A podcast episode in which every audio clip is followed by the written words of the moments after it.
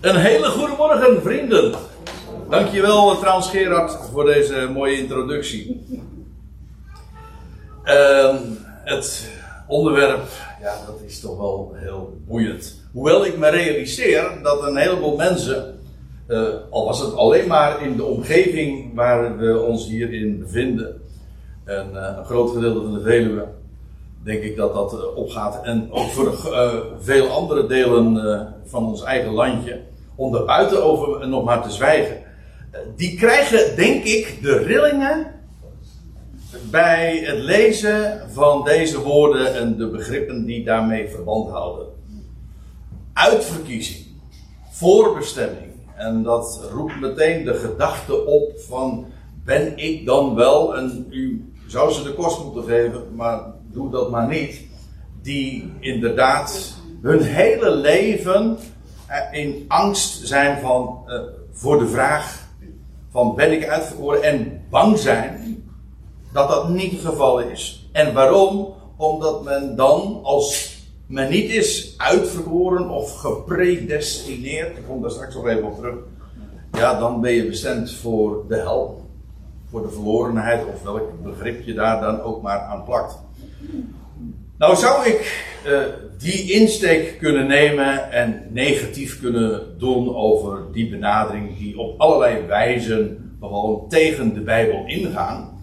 Maar waarom niet gewoon de positieve, de directe manier, namelijk gewoon ons bepalen bij de vraag: wat zegt de Bijbel hierover? Laat ik er gewoon maar meteen duidelijk over zijn. Beide begrippen, uitverkoren zijn of uitverkiezen of en voorbestemd, zijn zeer bijbelse begrippen. Er zijn ook, met name in de evangelische wereld, mensen die zeggen van nee, er bestaat helemaal niet zoiets. De mens heeft een vrije wil en uh, God die, uh, die voegt zich daarbij en dus die moeten in dan weer alles, alle zeilen bijzetten, zeg maar, om deze woorden, begrippen eigenlijk weg te verklaren.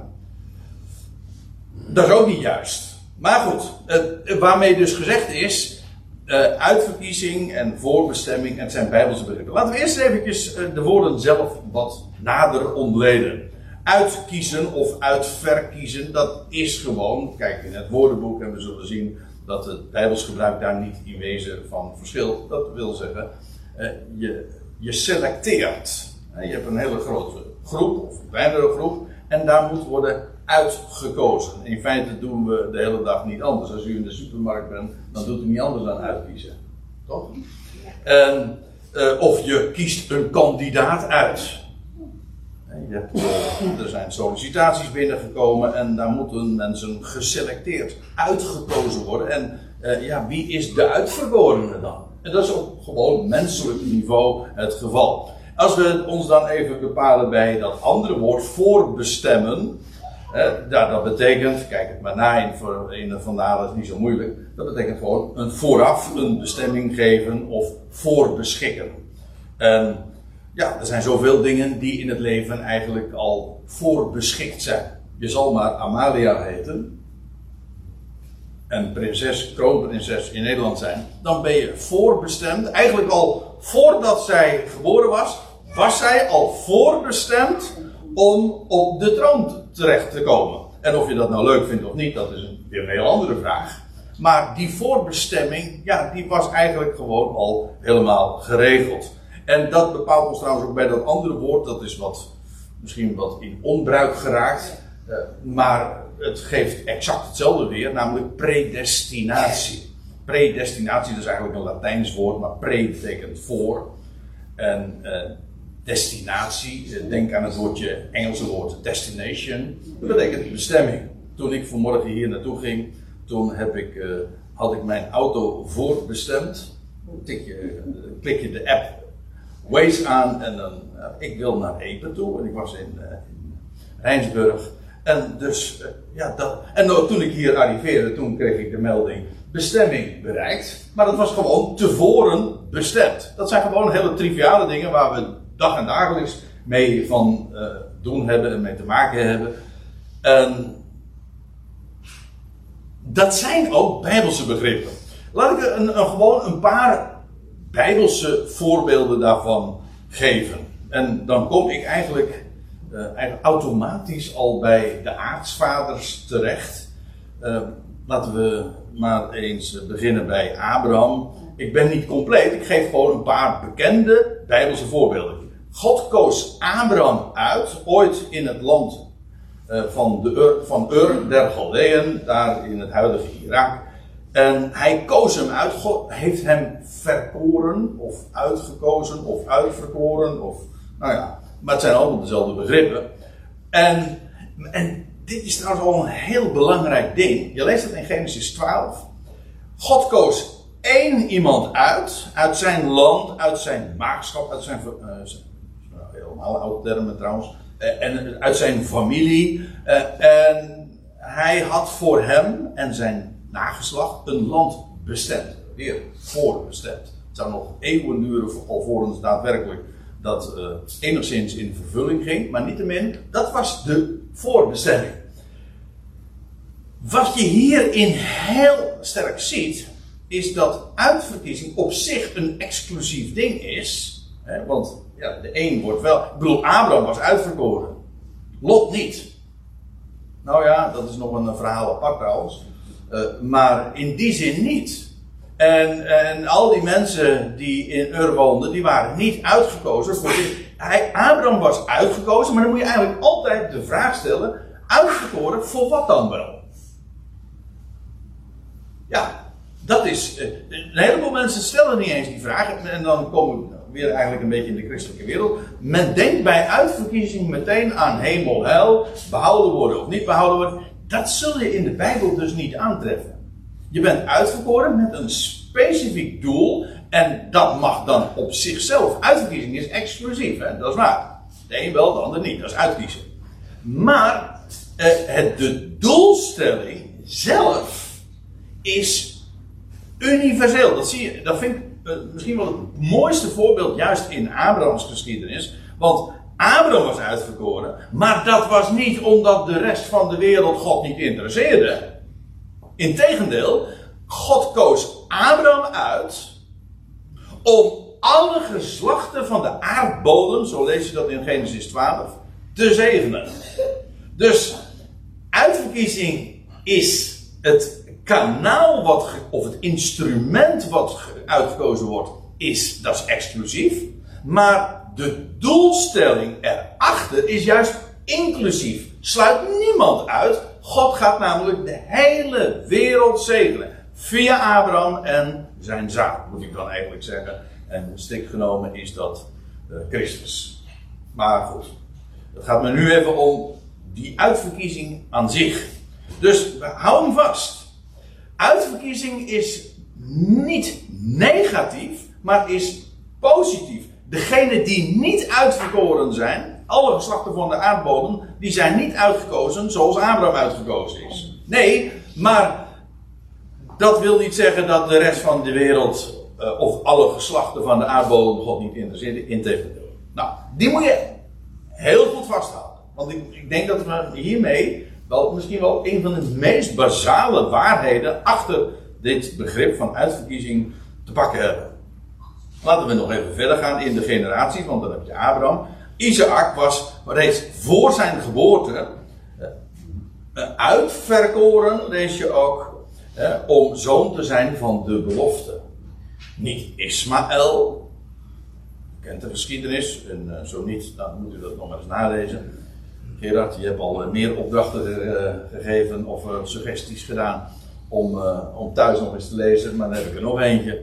En in Romeinen 9 wordt met name Romeinen 9 is een hoofdstuk bij uitstek dat gaat over dit onderwerp waar we het vanmorgen over hebben. Maar Abraham, ja, Isaac was inderdaad uitgekozen en ook voorbestemd om de zoon van de belofte te zijn.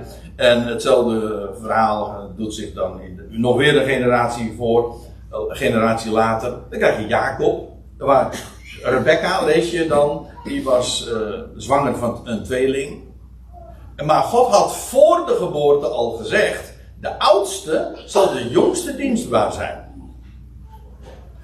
Jacob had God uitgekozen. En dan staat er nog bij in, in, die, in die toelichting in Romeinen 9, vers 11, 9-11, makkelijk onthouden.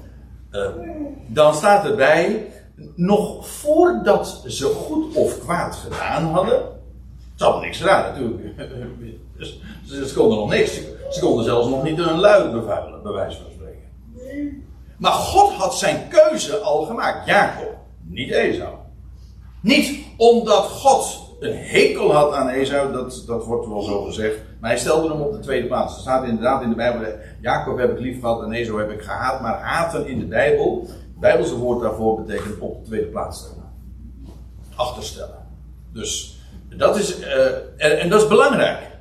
Jacob had God uitgekozen. Niet omdat het zo'n fraai vent was. Want later in de geschiedenis, als je gewoon de geschiedenis sec leest in Genesis.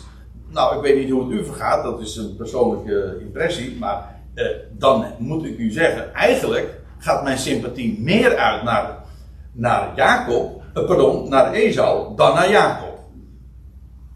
Ja, maar daar gaat het helemaal niet om. God had zijn keuze gemaakt. Waarom? Nou, en dus, dat staat er nou bij in, uh, dat moet je echt lezen in Romeinen 9, in die versen. Dan staat er van, uh, nog voor de tweeling geboren was, nog voor de kinderen geboren waren, had God gezegd, de oudste zal de jongste dienstbaar zijn. En dan staat Paulus erbij als toelichting, als, als, als commentaar, opdat het uitverkiezend voornemen van God zou zijn. Niet uitwerken, maar uit God die kiest. Dus het hele idee is, het gaat niet om verdiensten. Het gaat er niet om dat de een beter is dan de ander. God kiest uit. God heeft een voornemen, een plan. Daar verontschuldigt hij zich niet voor.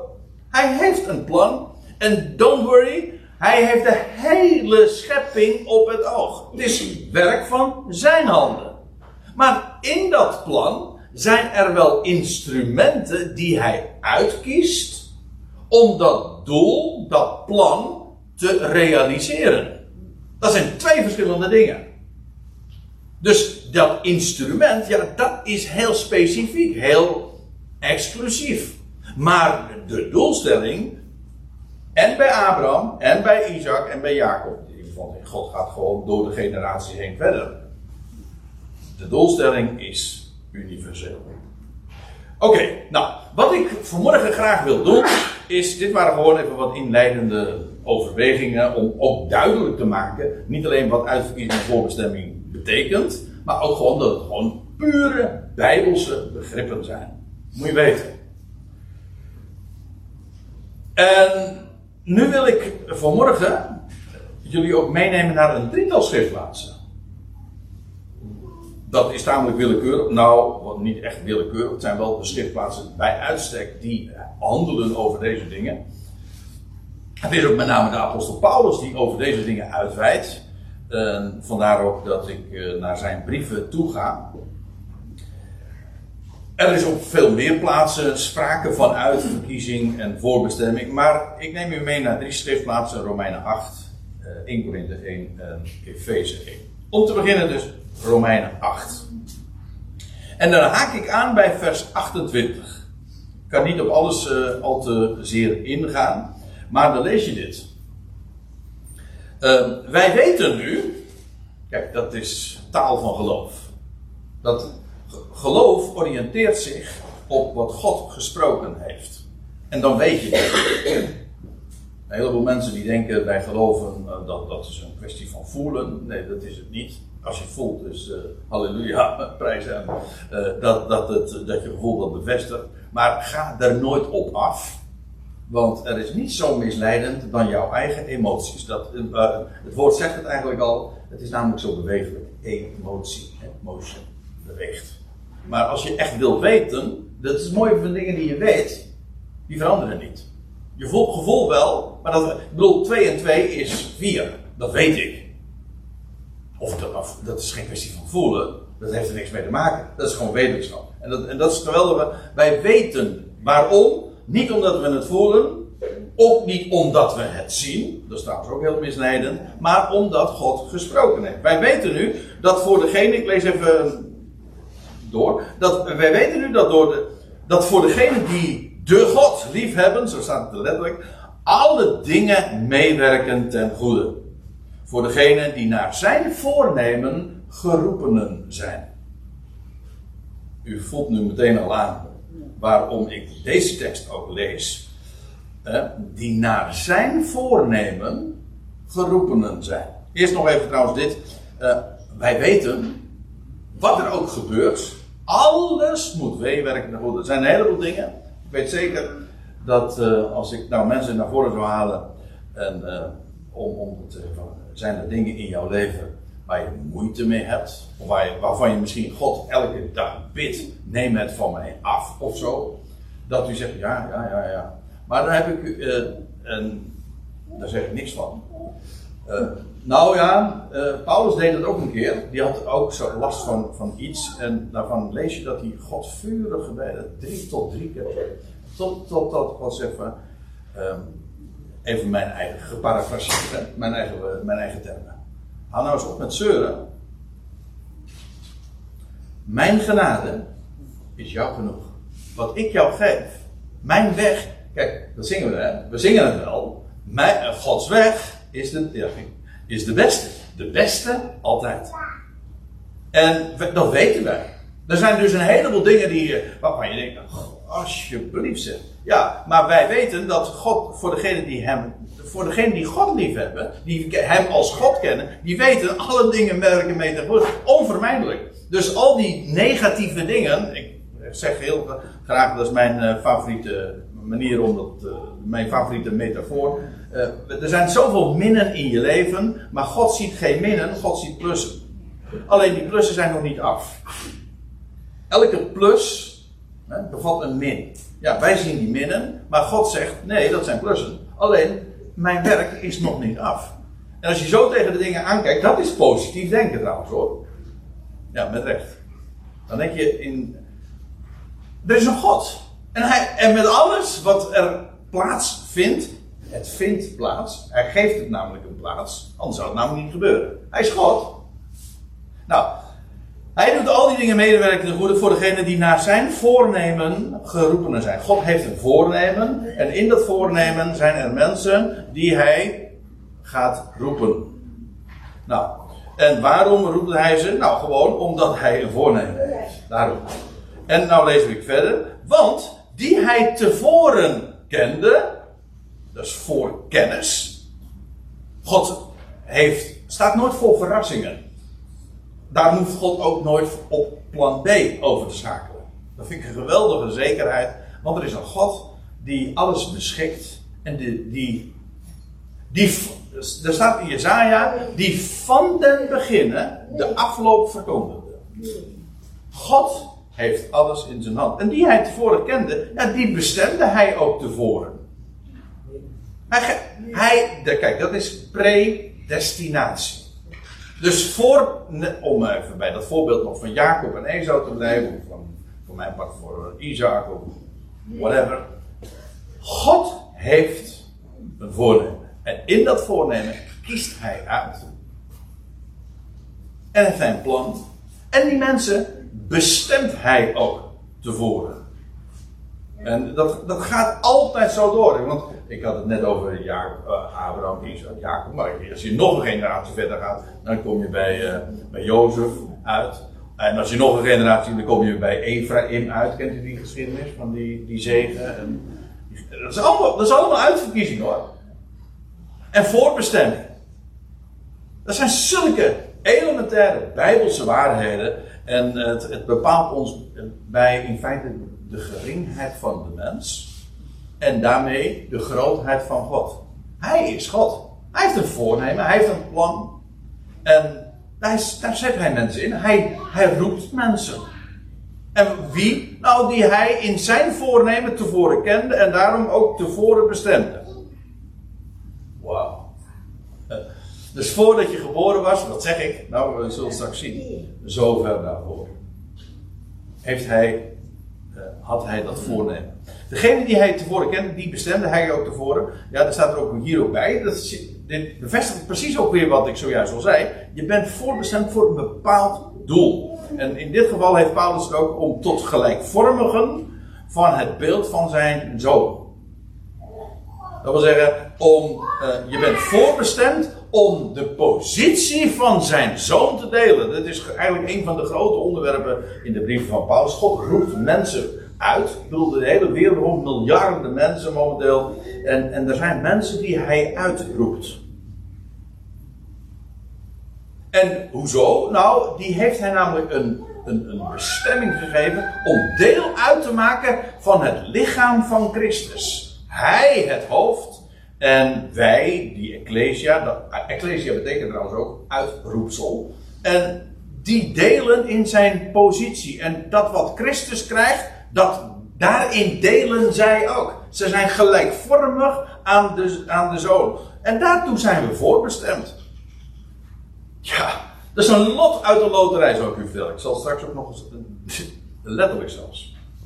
Dat zal ik u ook laten zien. Maar eh, even verder nog. Uh, want die hij tevoren kende, die bestemde hij ook tevoren. Waarom? Nou, tot, uh, met welk doel? Tot gelijkvormigen, of tot gelijkvormigheid van het beeld van zijn zoon. Opdat hij zou zijn eerstgeboren. Jij las daar trouwens ook al iets over, uh, Gerard. Maar opdat hij zou zijn eerstgeborene onder vele broederen. Met dan, of onder vele broeders. En het idee is, er is een, een gezelschap Waar Christus de eersteling is, de eerstgeborene. Maar hij deelt zijn positie met, met, zijn, ja, met zijn broeders. En dat is een andere metafoor, eh, hoofd, lichaam. Maar uh, in, in, dit geval is het ook. Hij is de erfgenaam, want dat is in feite wat een eerstgeborene is. Hè, die krijgt het, het, dubbele deel van de erfenis. En de rest uh, die deelt ook, hè, dat is ook Romeinen 8. Wij zijn erfgenamen van God en mede-erfgenamen van Christus. En ja, dat is enorm. Trouwens, in Romeinen 8 zie je ook heel sterk hoe God heel de schepping op het oog heeft. Hè? Daar staat erin heel de, dat de ganse schepping in al haar delen momenteel zucht. En die is aan. God heeft die schepping momenteel aan de vergankelijkheid onderworpen, aan de ijdelheid. Heel de schepping is aan de ijdelheid onderworpen. En er staat erbij, niet vrijwillig. Weer zoiets niet eigen keuze, nee, maar om hem, hoofdletter, die haar, schepping, daaraan onderworpen heeft. Maar staat erbij, in hoop echter, omdat de schepping zelf verlost zal worden en bevrijd zal worden en wacht op de onthulling van de zonen Gods. Dat staat allemaal in, hetzelfde hoofdstuk, in Romeinen 8. Dus de hele schepping wacht op iets. Namelijk op de onthulling of de openbaring, zo u wilt, van de zonen Gods. Dat wil zeggen van hem die de eerstgeborene is en zijn broeders. Dat unieke gezelschap, dat is een uitroepsel. De hele schepping is niet een uitroepsel. Het uitroepsel is een, heel, is een speciaal gezelschap dat bestemd is tot gelijkvormigheid aan het beeld van zijn zoon. Dat is een hele mond vol, dat realiseer ik me. Maar het idee is in feite heel eenvoudig. En heel de schepping wacht daarop. Zoals alle geslachten van de aardbodem wachten op de zegen die God gaat geven via Abraham en zijn zaad. Die zijn uitverkorenen en de rest zullen via dat kanaal van zegen worden gezegend. En in feite is dat Christus ook, want Christus is dat zaad van Abraham en wij zijn in Christus. Dus de lijnen die, die lopen allemaal. Het, zijn in feite, het is een, een identiek patroon. Je ziet het overal weer terug. Maar het verhaal is heel consistent. God zegent de, de, wereld via Abraham en zijn zaad, dat is Christus. En aangezien wij in Christus zijn, zijn lichaam zijn, of zo u wilt, hij is de eerste geworden, wij zijn, wij zijn zijn broeders. Uh, wij zijn die zonen Gods waar de hele schepping op wacht. Nou, en dan staat er nu in, uh, ik ga nog even verder, de Romeinen 8, vers 30. Degene nu die hij tevoren bestemt, deze roept hij ook. Dan moet ik even iets uh, taalkundigs er eventjes bij zeggen, want dat is een beetje een lastig ding. Er staat in de gewone, de meeste vertalingen, die zeggen dit in als uh, voltooid tegenwoordige tijd. Hè. Degene die hij, te, hoe staat het in de MBG-vertaling, die hij, die hij tevoren bestemd heeft. Die heeft hij ook geroepen. Maar het staat hier in, in een Griekse werkwoordvorm eh, dat is niet de voltooid tegenwoordig, dat is een iets anders. Dat is een aorist. Een aorist wil zeggen, eigenlijk, een aorist betekent zonder horizon. Orist, horizon, betekent eigenlijk, het is een tijdloos feit. Wij kennen die werkwoord van niet zo sterk eigenlijk in het Nederlands. Maar dat was, het gaat gewoon om het feit, on, en dat is een aorist. Het idee van een aorist, die komt heel vaak voor in het Griekse Nieuwe Testament. Dat is een feit, ongeacht wanneer. Dat speelt geen rol. Het, nou, in dit geval gaat het dus om God bestemt tevoren. Degene die hij tevoren bestemt, die roept hij ook. Het gaat er niet om dat hij dat gedaan heeft, maar hij bestemt tevoren. En degene die hij tevoren bestemt, die roept hij ook. Dus eerst voorbestemd, en die hij voorbestemt, nou, die roept hij. Dus hoe komt het nou dat je geroepen bent? Nou, omdat je tevoren gekend en dus tevoren bestemd bent. Daarom. Ik heb uh, dat plaatje daarnaast, dat is een gouden ketting. En uh, waarom een gouden ketting? Het zijn allemaal gouden schakels. Waarom goud? Wel omdat uh, God degene is in deze versen die handelend optreedt. Hij alleen. Hier is de mens echt leidend voorwerp. In de zin van, God is degene die acteert, God is degene die voorkent, tevoren een voornemen heeft, die tevoren kent, die tevoren bestemt en die roept. En dat zijn, daar, een mens kan daar niks aan af of toedoen. Dat is geweldig. En daarom is de gouden ketting, want al die schakels, dat, kan, dat is onverbrekelijk. Het zijn gouden schakels, maar het zijn ook goddelijke schakels. Het is onvergankelijk. Het is onverbrekelijk ook. Prijs God. Degene nu die hij, als je de klemtonen goed legt, dan, dan, dan, dan is het helemaal zo, zo duidelijk, zo obvious, zo zeggen de Engelsen dat. Degene nu die hij tevoren bestemt, deze roept hij ook. En degene die hij roept, nou, deze rechtvaardigt hij ook. Dus je ziet hier gewoon de ketting. Hij kent tevoren, hij bestemt tevoren, en vervolgens degene die hij tevoren bestemt, die roept hij ook. En degene die hij roept, nou, die rechtvaardigt hij ook. Wat is hier de bijdrage van de mens? Niente. Zeg het dan, hè? 0,0. Niks. Hij is namelijk degene die dat doet. Alles is hier ook Gods. En degene die hij rechtvaardigt, staat er dan. Deze verheerlijkt hij ook. Dat is, hier, dit, dit, laatste zie je trouwens heel sterk ook dat het inderdaad een aorist is. Want er staat in de NBG die, heeft hij ook verheerlijkt. Nou, dat klopt niet. Het hele idee is juist dat wij uh, uh, verheerlijkt worden. Wij, nu lijden wij met hem om straks, dat is Romeinen 8 vers 17, om straks met hem verheerlijkt te worden. Dat is niet in het verleden al gebeurd of zo. Dat is, nee, dat, dat gaat nog gebeuren. Maar het, het, gaat niet om de tijd. Het gaat om degene die hij tevoren kent, die bestemd hij tevoren. Nou, laat ik het maar zo zien. Even het, het, plaatje. Ja, ja dit. Uh, God kent tevoren. God bestemt tevoren. God roept. God rechtvaardigt. En God verheerlijkt. Alles doet hij. En inderdaad, dat tevoren kennen, dat, dan moeten we heel ver teruggaan in de tijd. En ik kan u nu al verklappen, ik zal straks ook laten zien. Dat dat inderdaad voor de, dat de tijdperken aanvingen, was, die, was dit allemaal al, als ik het zo mag zeggen, in kannen en kruiken. En vervolgens in de tijd uh, is hij degene die dan roept en die hij rechtvaardigt. En in, en in de toekomst uh, uh, worden wij ook verheerlijkt. Jawel, maar hij is degene die van het begin tot het einde, van degene die de vorige kende en een voornemen had, totdat hij ons verheerlijkt en heel de schepping daarin deelgenomen. Hij is degene die dat alles doet. Ja, is geweldig. Zie je, uh, als je eenmaal uh, aan zicht mag krijgen op deze dingen, op, op, op uitverkiezing, voorbestemming, dan krijg je geweldige bewondering voor een God die een voornemen heeft. Een plan. Een alomvattend plan. Maar waarin wel hele unieke instrumenten worden uitgekozen. En zeggen: wauw, wat een voorrecht. Ook wat een taak in die zin.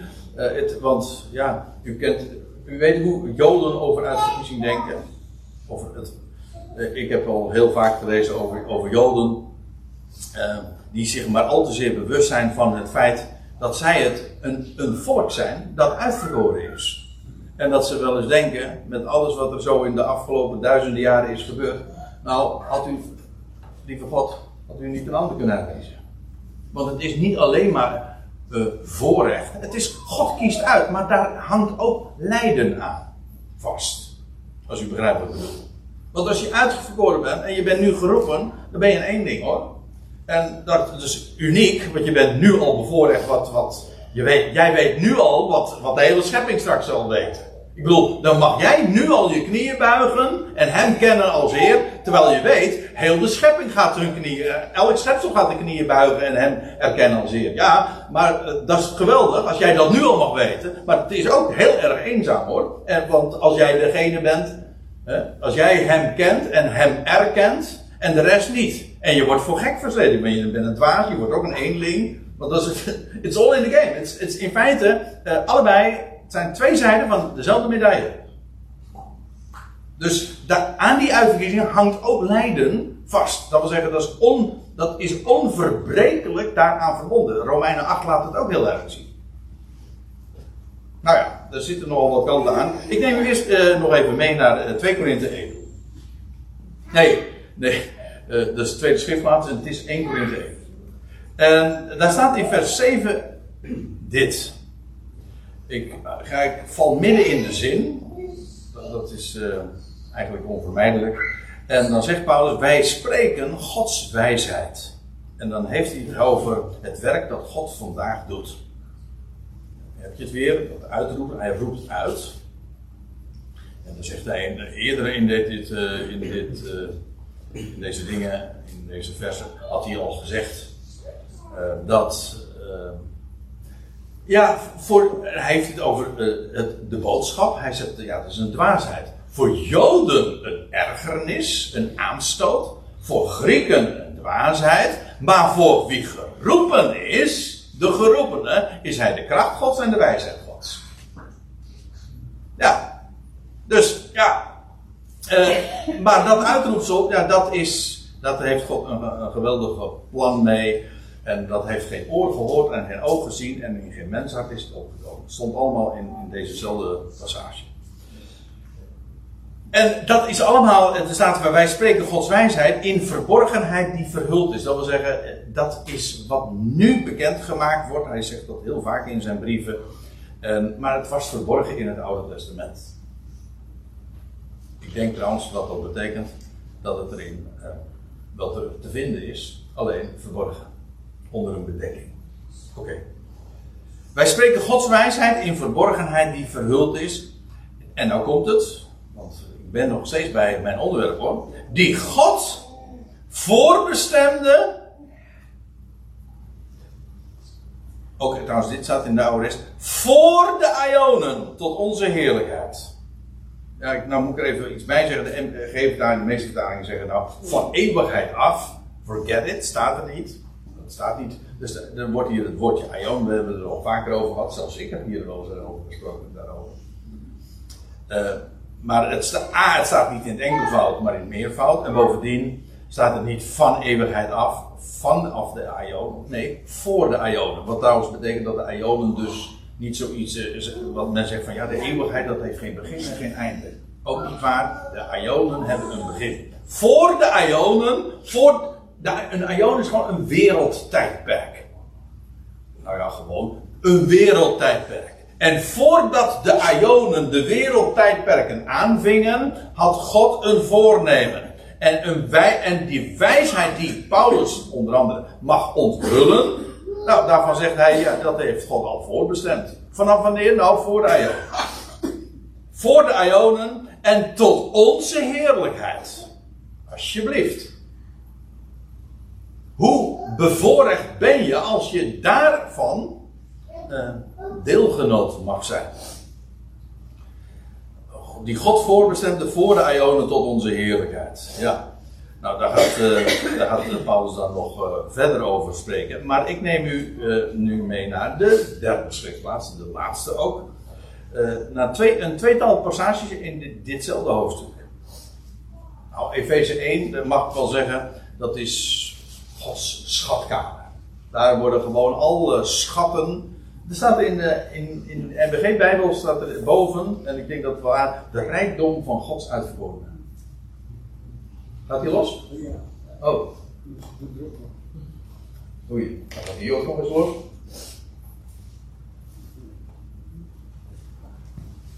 Misschien kan je me even helpen. Want ik, ik zie niet dat er allemaal hier. Hij hing de hele tijd al los, dus gaat het maar goed. Oké, oké, oké. Ja. Ik, uh, ik ga gewoon verder. Ja, oké. Okay, uh, eh, er staat in de. Ik meen ook in, de, in onze Bijbel de rijkdom van Gods uitverkoren, van de, van de uitverkoren. En dat is ook zo.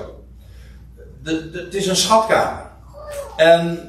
Nou, dan staat er in Efeze 1, en ik begin nu te lezen in vers 4. Aha, een nieuw plakketje.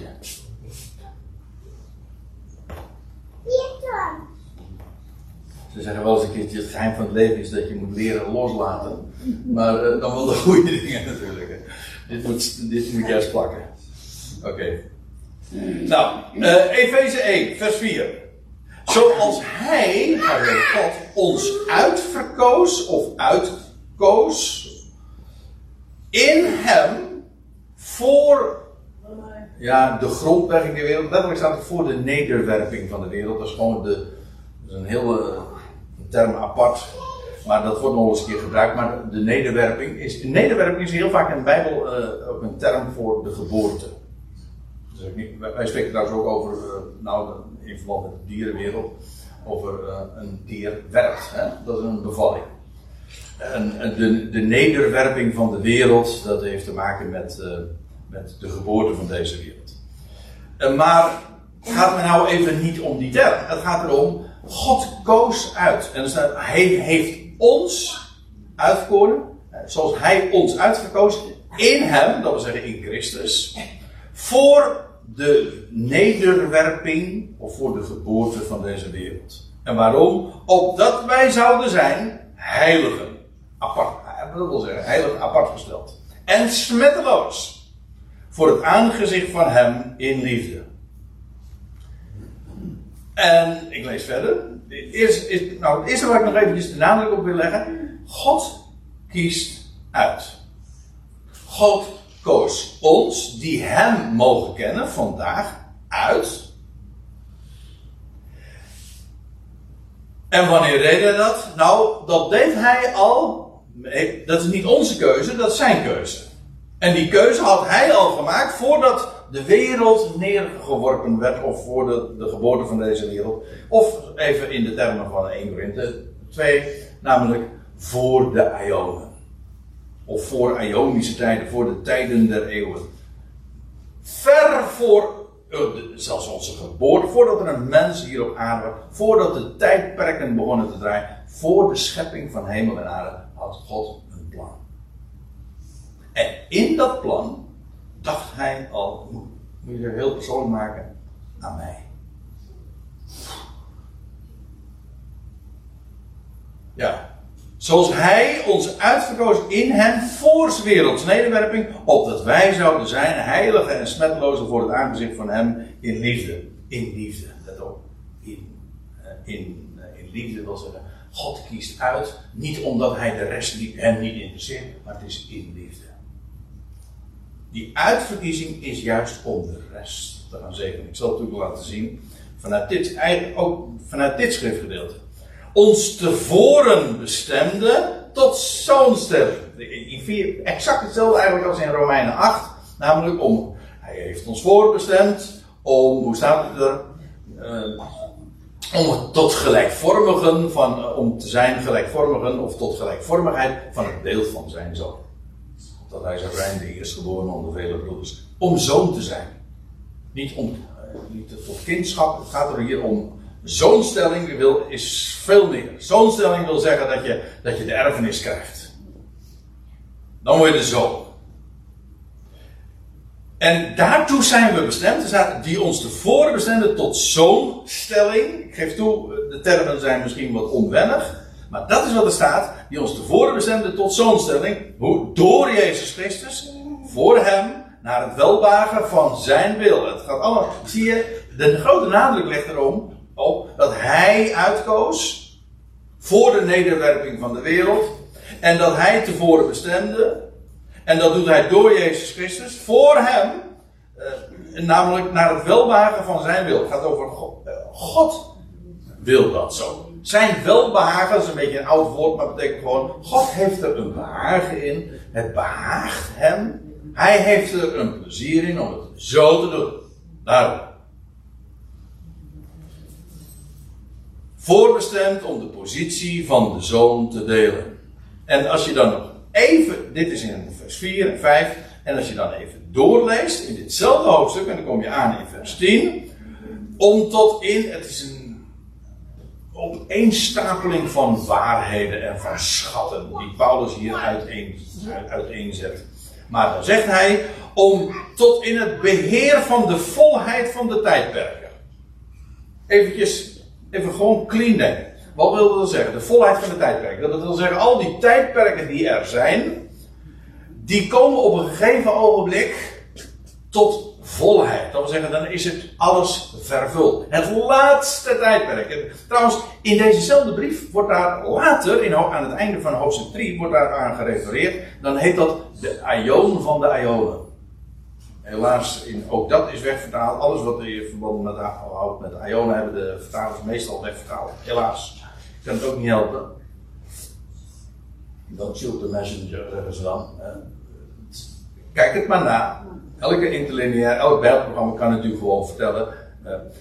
Die volheid van de tijdperken, dat is, dat is die aion van de ionen. God, kijk, God heeft een plan van ionen, van wereldtijdperken. En op een gegeven moment is dat plan, wordt dat vervuld. En in, dat, in die volheid van de tijdperken, in dat laatste, in die grote, in die meest overtreffende tijd, in dat meest overtreffende tijdperk die nog gaat komen, want er gaan nog er gaan nog ionen aanbreken waarin Christus zal heersen. Maar er komt een moment dat die tijden vervuld zijn. En dan wordt ook de laatste vijand teniet gedaan, dat is de dood. En dan worden de mensen die dan nog dood zijn, levend gemaakt. Ja, en dan lees je, dan heeft de zoon alles aan zijn voeten onderworpen. En dan zal hij het koninkrijk teruggeven aan zijn God en Vader dat God zal zijn, alles in alles. Nou, dat is die volheid van de tijdperk. Dat is nog in, feite een verre toekomst.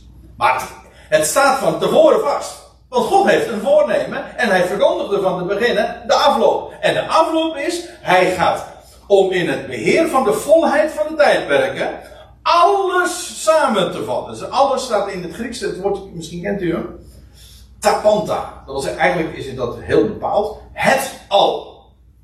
Zoals wij trouwens zeggen, het heelal. Om het al samen te vatten in de Christus. Dat wil zeggen, Hij is degene waar heel de schepping in besloten is. Oh, dat had je, Gerard, we hebben geen overleg gehad. Ik wist niet eens dat jij van de woorden zou. Ik wist ook niet dat jij hier zou staan, maar jij las uit Colossense 1. En dat heel de schepping is bestemd voor de zoon. En God gaat heel de schepping samenvatten in de Christus. En als dat eenmaal gerealiseerd is, tot volheid is gekomen, dat voornemen, ja, ik bedoel, dat voornemen, dat wordt uh, stapsgewijs uh, vervuld, gerealiseerd. En hij zal dan in de volheid van de tijdperken het al, of gewoon alles, niets uitgezonderd, niemand uitgezonderd. God denkt groots. Hij denkt universeel, alomvattend. Nou, hij heeft de schepping voorbestemd om in Christus te worden samengevat. En dan staat erbij, alle, en als u nog niet wist, of uh, als, u, als het nog niet duidelijk was dat hij met het al echt het heelal bedoelt, dan staat erbij, alles samen te vatten in de Christus, het zij wat in de hemel, het zij wat op de aarde is. Kortom, het alles. Ja. En dan staat er nog iets bij. Ja. Uh, dus in de volheid van de tijdperken wordt het al samengevat in Christus. En er staat erbij, in hem, in Christus, in wie ook ons lotsdeel werd toebedeeld. Uh, er staat in de MBG-verhouding staat in wie wij ook het erfdeel ontvangen hebben. Heb ik geen bezwaar tegen, maar er staat hier letterlijk een woord. Weet niet of u dat eh, wel eens een keertje is uh, duidelijk gemaakt. Maar er staat hier in het Grieks een woord dat eigenlijk te maken heeft met een loting. Een lot, een lotsdeel. Het idee is, kijk, je leest bijvoorbeeld van het land Israël, dat werd door loting aan de stammen van Israël en aan al de geslachten toebedeeld. Door loting. Het idee daarbij is altijd, de mens heeft daar geen invloed op. Dat, dat, is bij ons ook het idee van een loterij. En je werkt een lot, zeg van ja, goh, dan is maar afwachten. Je hebt er geen invloed op. Als, als, als, als je er wel invloed op hebt, dan is het geen eerlijke loting. Toch? Dan zeggen ze van dat is, dat is gefraudeerd. Dat is allemaal voorgekomen. Het idee is bij een loting van wij mensen hebben er geen invloed op. Nee, maar er staat in de spreuken al. Het lot wordt in de sloot geworpen. Elke beslissing daarvan is van de Heer. Want uh, wij zeggen dan, uh, je gooit een, een, een, een, dobbelsteen en dan is het 1, 2, 3, 4, 5 of 6. Oké. Okay. Een kans van 1 op 6. En, en, dan is het, en dan gooi je 3 keer 6. Zo. Dat is toevallig. Toevallig. Het valt je toe. En wij denken dan, toeval betekent, uh, uh, het is willekeurig. Ja, voor de mens wel, ja. Maar bij God bestaat er geen toeval. Toevallig bestaat er bij God geen toeval. Of, als u zegt van, nou, ik hou het toch wel daar vast. Prima, dan kiezen we een andere route, maar het komt op hetzelfde neer. Als je weet dat God het je doet toevallen. Hij beschikt alles. Voor hem bestaan er geen verrassingen. Het is niet zo dat als, ik een, dat, dat, als u een, een dobbelsteen gooit, hè, iets, lood, dat hij denkt: goh, hoe, hoe, hoe, hoe zal het vallen? En natuurlijk niet. Hij is alwetend, de Almachtige. Over die God hebben we het. Nou, dit woord, het is een lotsdeel. In de, in de vertaling wordt meestal gesproken over een erfenis. Daar heb ik niet zoveel moeite mee. Een erfenis krijg je trouwens ook? Dat is gewoon je lot. Ik bedoel, het louter feit dat Amalia, om even bij het voorbeeld te blijven, ja, die, dat is haar, het is haar toegevallen. Het is, ze heeft er geen invloed op gehad. Het is wat het is. En dat is dat woord lotsdeel. En waarom? Het, waarom? Die grote vraag. Heeft God mij uitgekozen? Ben ik beter? Ben ik knapper? Ben ik intelligenter? Al die, al die opties, alleen al het noemen ervan is bizar en krankzinnig. Houd toch op, zeg. We zijn gewoon klei in de hand van de pottenbakker. En hij maakt ons. Hij voor, al, voor zover ik wat ben, dan is dat omdat hij wat van mij gemaakt heeft. Alles wat ik ben, zingen we er ook, hè? Alles wat ik ben, ben ik door mijn Heer. En alles wat ik heb, dat heb ik van mijn meester en nog veel meer. Ik weet niet precies hoe het gaat, maar het idee is: ik heb niets van mezelf. En dat wat ik heb, dat is mij toebedeeld. En het feit dat ik hem mag kennen, dat hij de, het woord, dat ik het woord gehoord heb, dat het hier binnen is gekomen, dat het in mijn hart is, is neergedaald. God opent ogen, hij opent harten en hij opent oren. Altijd, hè? En nu zegt u van ja, maar wat, wat hebben we dan helemaal niks? Nee, alle roem is uitgesloten. Onverdiende zaligheid heb ik van mijn God genoten. Kroem in vrije gunst alleen. Dat is geen theorie, ja, voor de meeste mensen helaas wel.